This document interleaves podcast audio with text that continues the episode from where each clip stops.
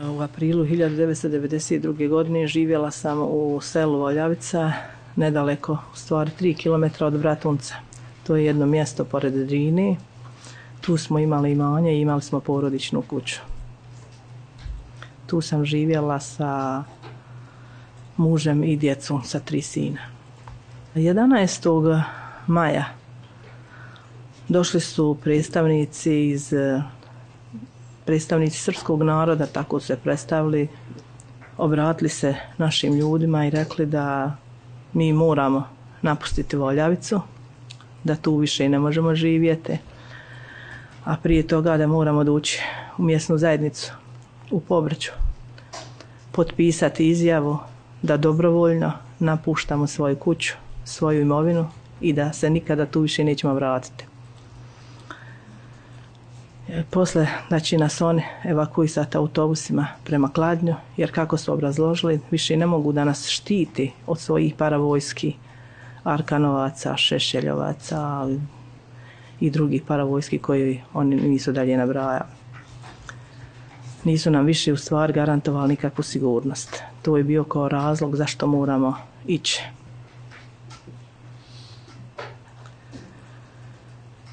Pa ja moj muž sa djecom, od muža, otac i majka i ostala bližna rodbina kao i većina stanovnika tog sela odlučili smo da ne potpišemo takav papir. Jednostavno donijeli smo odluku da napustimo kuće i da idemo u šume, odnosno selima prema Srebrenice.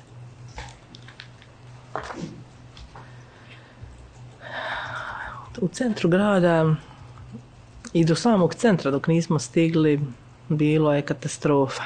Tako se jednostavno može opisati slika Srebrenici koju sam ja zatekla tog dana. Sve što se moglo osjetiti to je bio, ne znam šta je bolje reći, smrad, miris ili smrad paljevini. Sve je, sve je, samo se čulo na paljevinu, sve kuće su bile zapaljene. Mogli ste sresti samo po neku salutalcu. Bilo je pusto, bilo je tužno. Vidjela sam da smo došli u jedan začarani krug gdje nema izlaza. Mi koji smo još u maju napustili svoje domove, znači od prvog dana bili smo osuđeni da ne imamo jesti. Kad je došlo već decembar 92. počela je prava kriza, niste više mogli ni odakle ništa donijeti, sve zalihe hrane bile su istrebljene, pokupljene jer je bila i tada u Srebrenci, masa ljudi koja je došla iz Žepi, iz Hampijesačka opština cijela bila je tada u Srebrenci tog momenta. Znači mi iz Podrinja, naša sela bila su osuđena na glad, muškarce, odnosno moj muž i stariji sin, brat, znali su ići kilometrima pješci i da se ponovo vrate, a da ništa ne donesu. To je bilo još gore i takvi iscrpljeni. Dođu ponovo kući gladne. Bilo je to teško. Te, teško stanje, stvarno taj dan neću, ti dan u stvari neću zaboraviti nikad u životu. Praktično, stvarno, to je istina da se umiralo od glade da više nije više jednostavno ispod tog snijega niste mogli doći ni do kakve hrane, ni do čega niste znali. Bili ste sretni da preživite do sutra. Te 94. godine sve u Srebrenici bilo je zasijano. Znači svaki kutak zemlje obradivi svijet je zasio da bi još uz to mogao preživiti. Ja sama sam sijala Odlazili smo u Potečare, to je 5 km gdje su moja braća nekad imala kuću, tu su imali parcelu zemljišta gdje sam ja zasijala baštu jer smo dobili nešto od e, u humanitarnoj pomoći, dobili smo nešto sjemena, krompira, mrkve i ostalih potrebština, pa smo to zasijale. I ta 94. prva polovina i negdje do, do samog kraja, do jeseni, i nekako bilo je što se hrani tiče podnošljiva.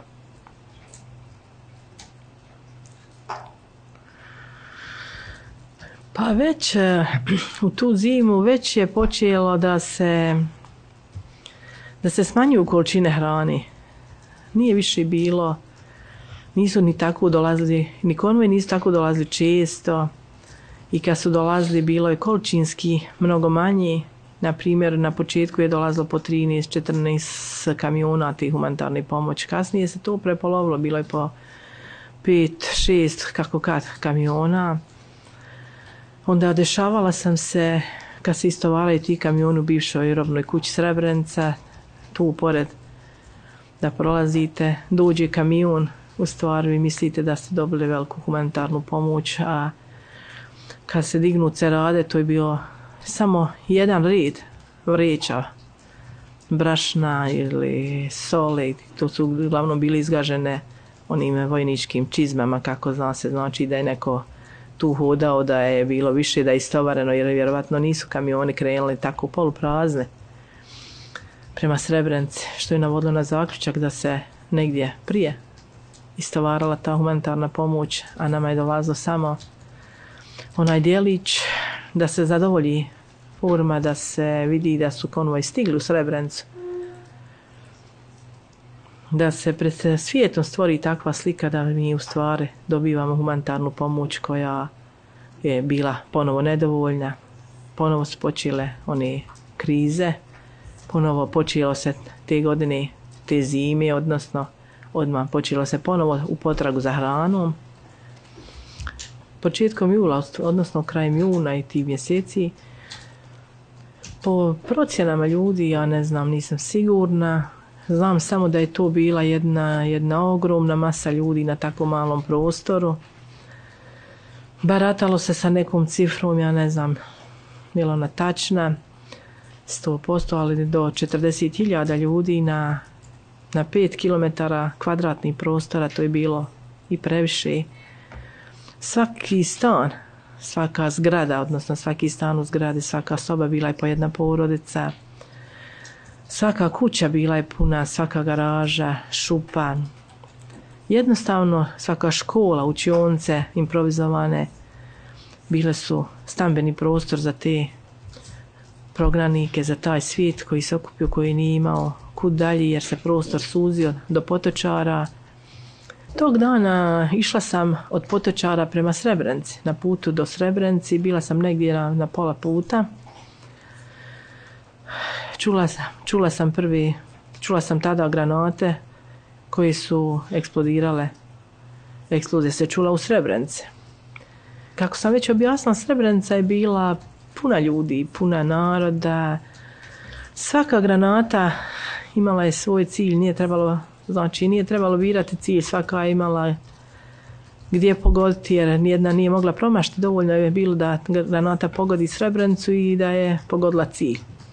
Tako su ljudi ginuli, bilo je oko naše zgrade i poginuli, ne znam, bilo je tu puno ljudi iz Cerske, iz Konjević polja, ne bi mogla se sjetiti imena. Ali uglavnom, do desetog, sve do 10.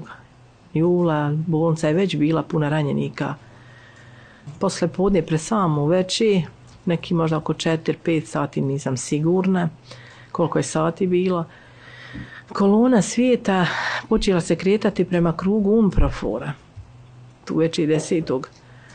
jula i, i mi smo izašli iz grada i svi smo krenuli, rekli su nam da treba ići u krug Umprofora, to je bivša vezionca u Srebrenicu je nedaleko jedan kilometar od samog centra Srebrenici prema potačarima.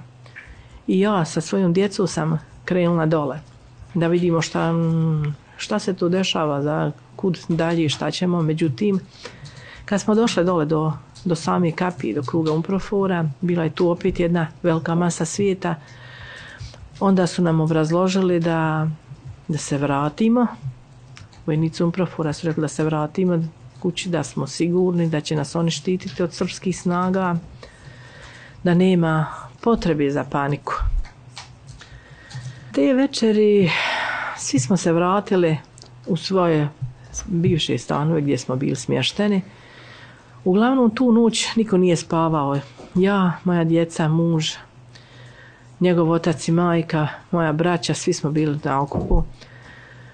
Nismo znali šta se tu u stvar dešava, ali razgovarali smo i donijeli jednu odluku onako za sebi kao i vjerovatno su tako i mnogi drugi ovaj, da mi idemo ja, moj najmlađi sin i, i svekar da mi idemo prema ako bude trebalo, ako bude došlo do nečega da srpski vojnici zauzmu grad, da mi idemo prema krugu Umprofora, a da oni idu put Tuzljev preko šume. Nisu imali povjerenja da dođu u ruke ti srpskih snaga. Smatrali su da bar tim starijim, iznemoglim djeci, ženama da neće ništa, a oni ko navodno da pokušaju do te nekakve, kako bi se nazvao, slobodni teritorije, da prođu, prođu put preko šume.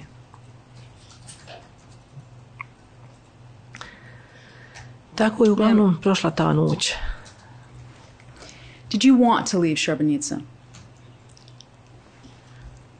Pa u takvom stanju kako, se Srebrenica nalazila tih dana, svi ljudi su željeli ne da odu iz Srebrenice ko Srebrenici, nego su željeli da napusti Srebrenicu zbog nesigurnosti, zbog eh, stanja haosa kakav je vladu, zbog straha od eh, srpskih srpskih snaga koji su nadirale, koji su već uzeli jedan punkt e, Umprafora i drugim punktom nisu bili sigurni. Grad je sve više dobijao, sve se prostor sam, prostor grada se sužavao, snage Umprofora su se izmicale prema gradu, tako da kažem, povlačile se prema gradu, tako da su srpske snage bile sve, sve nama bliži. i straha toga svi ti ljudi odjednom sutradan tu noć svi su željeli da napuste Srebrenicu jer se tu više nisu osjećali sigurnim. Nisu osjećali sigurni za život. So let's move to July 11th. In the morning hours after you and your family have left the apartment, uh, to where did you go? Pa ja sa svojom porodicom i svi drugi, svi drugi ljudi znači koji su bili u toj zgradi i okolnim zgradama, odjednom vidjeli smo velike kolone ljudi ulicu, znači iz ostalih zgrada svi ljudi su krenuli prema, prema potrčarima prema krugu, u to je prije bio krugom profora, znači krenuli smo prema krugu, samom krugom profora. U tom momentu počele su ponovo tu da padaju granate, okolo i u sam narod. Mi od straha, od tog haosa koji je vladao, bila je to jedna masa svijeta koja je bila sa djecom, djeca su vrištala niste mogli više da kontroliše niko situaciju. Mi smo krenuli, kako smo se već ranije dogovarali, ja, moj svekar i mlađi, najmlađi sin prema krugu Umprofora, a brat, muž, dva sina i sin od moga djevera krenuli su prema naselju Kazani, to je jedan tam put bio lijevo se skreće od benzinske pumpe i dalje prema Šnjarima. Bio je taki haos da nismo uspjeli da se pozdravimo.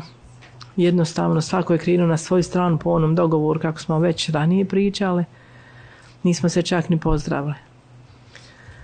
Kad sam nekoliko, to je možda da jednih 50 metara do kruga, bilo do kruga Umprofora, mi smo dole stigli, granate su i dalje padale. Ni same više u tom haosu, niko, niko ni za kog nije znao, ljudi su padali neko od detonacije, neko od gelira koji su pogađali, neko od straha, bila je velika vrućina, neko od ljudi su onesvješćivali, stariji od bolesti, pravi haos. Haos je bio na, samome, na samoj kapi i to Tada je jedna granata pala samo preko žice. Krug umprofora je bio odvojen od asfalta žicom. Ranjena sam u desnu, u desnu plečku. Galer mi je prošao kroz desnu plečku. Ovaj, počelo je krvarenje. Moj sin se uplašio. Jako se uplašio je krve. Posle zadržavanja tu nekoliko sati u samom krugu tog umprofora i na ulici, e, začuli su se u jednom momentu začuli su se avione. I ti vojnici koji su bili na jednom transporteru, vojnici umprofora, nisu, nisu oni znali, znali sa nama komunicirati, nismo im dobro razumijeli, ali su nam pokazali rukom doslovce pokazali su nam na nebo, na avione, da će oni, ko, mi razumijeli smo da će oni bombardovati te u krug, odnosno te srpske položaje, a da mi svi rukom su nam pokazali, svi moramo potočare, rekli su potočare, da krenimo ka potočarima znači. Onda je ta masa tako poslušala Tim putem uglavnom padale su granate, ali i s jedni i s druge strane puta. Ne baš da kažem, ne mogu da kažem u sam narod na put, ne bar u mojoj blizini, ali su padale pored puta, nedaleko. Bilo je tu i ranjenih, manji ranjenih koji su mogli nastaviti putovanje. Bilo je i mrtvi, ali vjerujte tu niko, niko nikoga nije mogao, nije mogao nositi, nije mogao, pored najbolje volje, nije mogao pružati pomoć jer niste imali ništa sa sobom, znači imali ste samo goli život, niste znali vi, hoćete li vi doći do potočara. Tako, nedaleko od samog igrališta jedna žena je pala, povukli su je samo pored puta pokrije nekim čebetom tu i ostavili. Prije potočara stigla su nas dva kamiona umprofora. Sam narod malo, kamion su išli polako, tako da se moglo sve dobro vidjeti. Nisu ni moglo svijeta brži normalno ići, a bili su i puni. I kad je taj svijet koliko toliko napravio prostora, na jednu stranu se sklonio da ti kamioni mogu da prođu, ipak su išli brže od koloni naroda. Te rade bile su pocijepane. Na tom jednom kamionu odjednom ugledala sam tog svog starijeg sina i jednog njegovog prijatelja koji se družio stalno, momka koji se družio sa njim u Srebrenici. Bila sam iznenađena odakle on tu na tom kamionu, ali on je mene vidio jer je podigao ruku i ti kamioni su nas samo prošli. Mi smo nastavili put dalje sve dok nismo došli do sami, nedaleko od same bazi, u potočarima znači. Na samoj, kako bi mi nazvali barikad, nije to bila bukvalno neka barikada, to je bila jedna traka na kojoj su, koju su bili zapijeli na asfaltu ti vojnici Umprafora. Na jednoj strani su stali jedni, na jednoj drugi i imali su tada prevodioca koji nam je obrazložio da mi ostali koji pristižimo nemamo mjesta u bazi, da je dole već sve puno, sve prebukirano i da moramo ostati van bazi Umprofora, odnosno da potražimo smještaje u okolim tu lokacijama na samom asfaltu oko fabrika, jer je tu bio kompleks fabrika ispred Ja sam ovaj, sa sinom i sa svekrom ponovo uspjela da se vratim do fabrike za pocinčavanje. Okay, then let's move to the next morning. So that would be the morning of July 12th. Uh, during that morning and into the afternoon, did you see any Bosnian Serb soldiers mingling with the crowds? Da. And w- what were they doing? Pa oni su u početku, ujutro negdje možda opet neće se ograničiti na vrijeme, neki 9-10 sati otprilike po mojoj procjeni. Kad su prvi ispravca ispravca Džogaza, ispravca Pećišta od jednog sela, to što je meni bilo na vidiku. Tada sam vidjela prvi te srpske vojnike jer su u tom dijelu bile počele goreti stare kuće, onda um, sjena, um, slame od pšenice u stvar koje su bile već požnjivene i u stogovima. I tako su se sve primicali više i dole ovom i samom centru potočara. Posle toga oni su uglavnom u, takvim spuštanjima pucali su, slavili, su, provikivali su se kad su dolazili blizu, tada znali smo da su tu normalno srpski vojnici, Pitali su gdje nam je vojska, gdje su nam muževi, gdje su vam djeca, gdje su vam sinovi, tako, takva pitanja. Mm, šta smo sad riješili, znamo li šta nas čeka.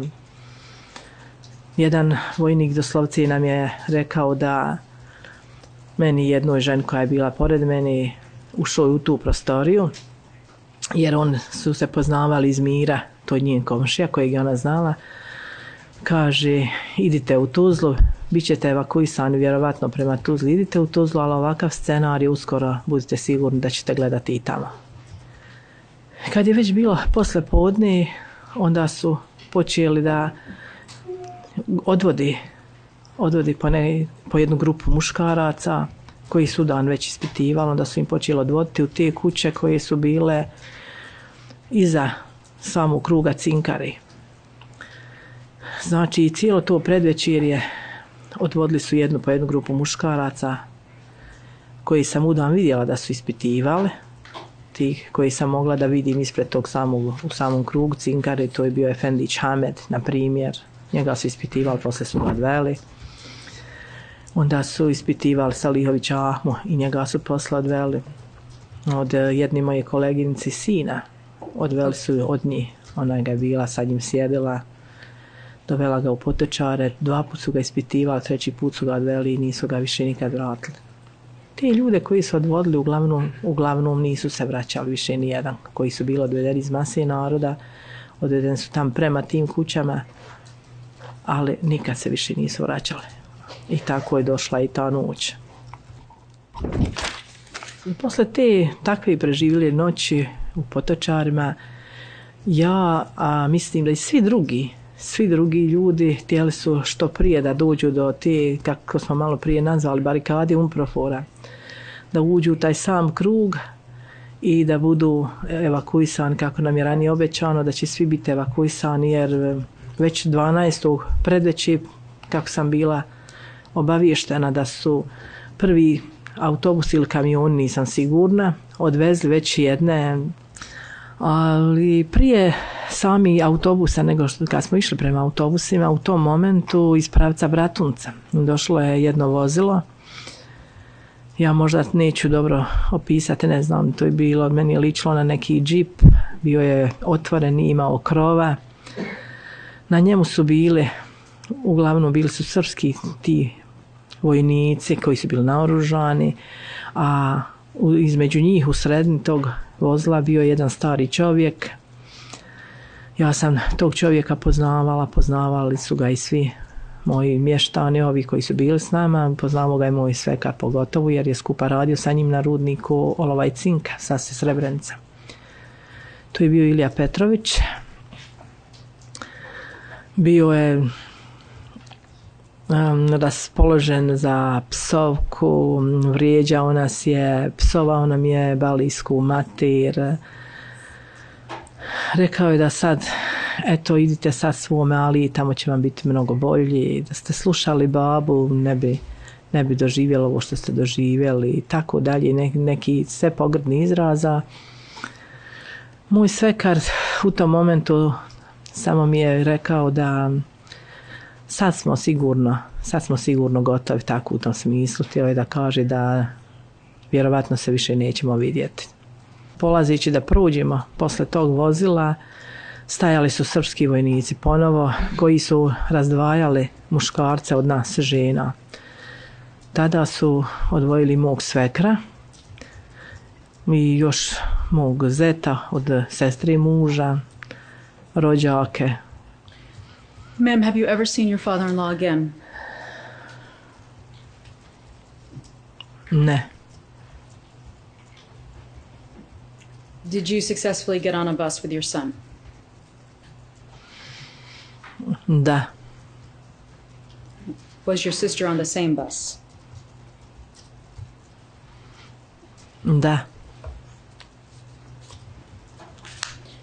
Mrs. when was the last time you saw your husband Selko?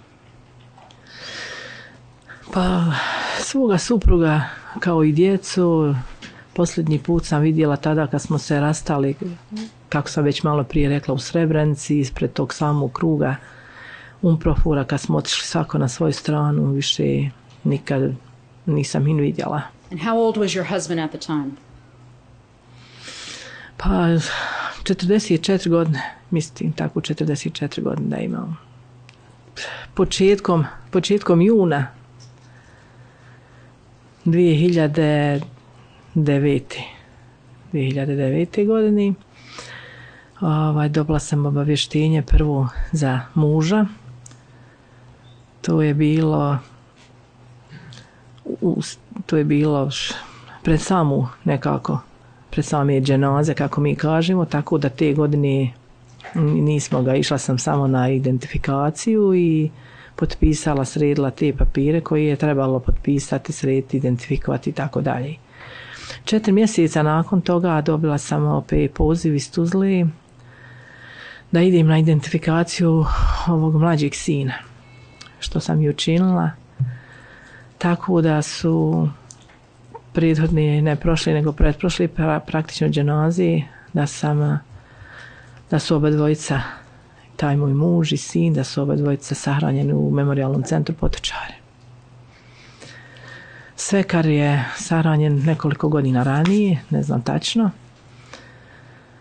A, malo prije jednu sedmicu nego što sam dobila obavještenje da dođemo ovdje u Hag, Pozvali su me istugli, znači dobila sam obavijest e, da ponovo idem na identifikaciju i da mi je pronađen i ovaj stariji sin. Što još nisam obavila, odlučila sam da prvo završim ovu u Hagu jer nisam znala kako ću se osjećati posle svih ti muka koji će opet doživjeti u toj tuzli, na toj identifikaciji, ipak tu, tu nije lako preživjeti tamo. Ma'am, in regard to your middle son, Admir, the one uh, you indicated that you had last seen at Srebrenica, how old was he at the time? Kada je padala Srebrenica, njemu je bilo 15 godina i 5 mjeseci. And the older son that you just mentioned, that you uh, very recently received the notification that his remains have been recovered. How old when you, was he when you saw him for the last time? Pa on je nepuni šest godina stariji od ovoga sina, znači njemu je bilo oko 20 godina tako. And ma'am, do you still own your home on the Drina River near Bratnats? Da. How often do you go back there? Pa, vjerujte, u ljetnom periodu često, ne znam, prošle godine bila sam eh, dosta puta. Jednostavno, nemam ja tamo određeno kad ću ići, kad, kad se zaželim, ja tako odim. Možda više nego što bi otišla toj kući, više idem na memorialni centar. Onda usput obiđem i tu kuću. Ali te, jednostavno teško je, ne, ne može, psihički ne mogu da podnesem, da tam budem, pogotovo da budem sama, samoća me ubija uspomene na moju djecu, na muža, na, život koji sam živjela prije 92. Teško, teško.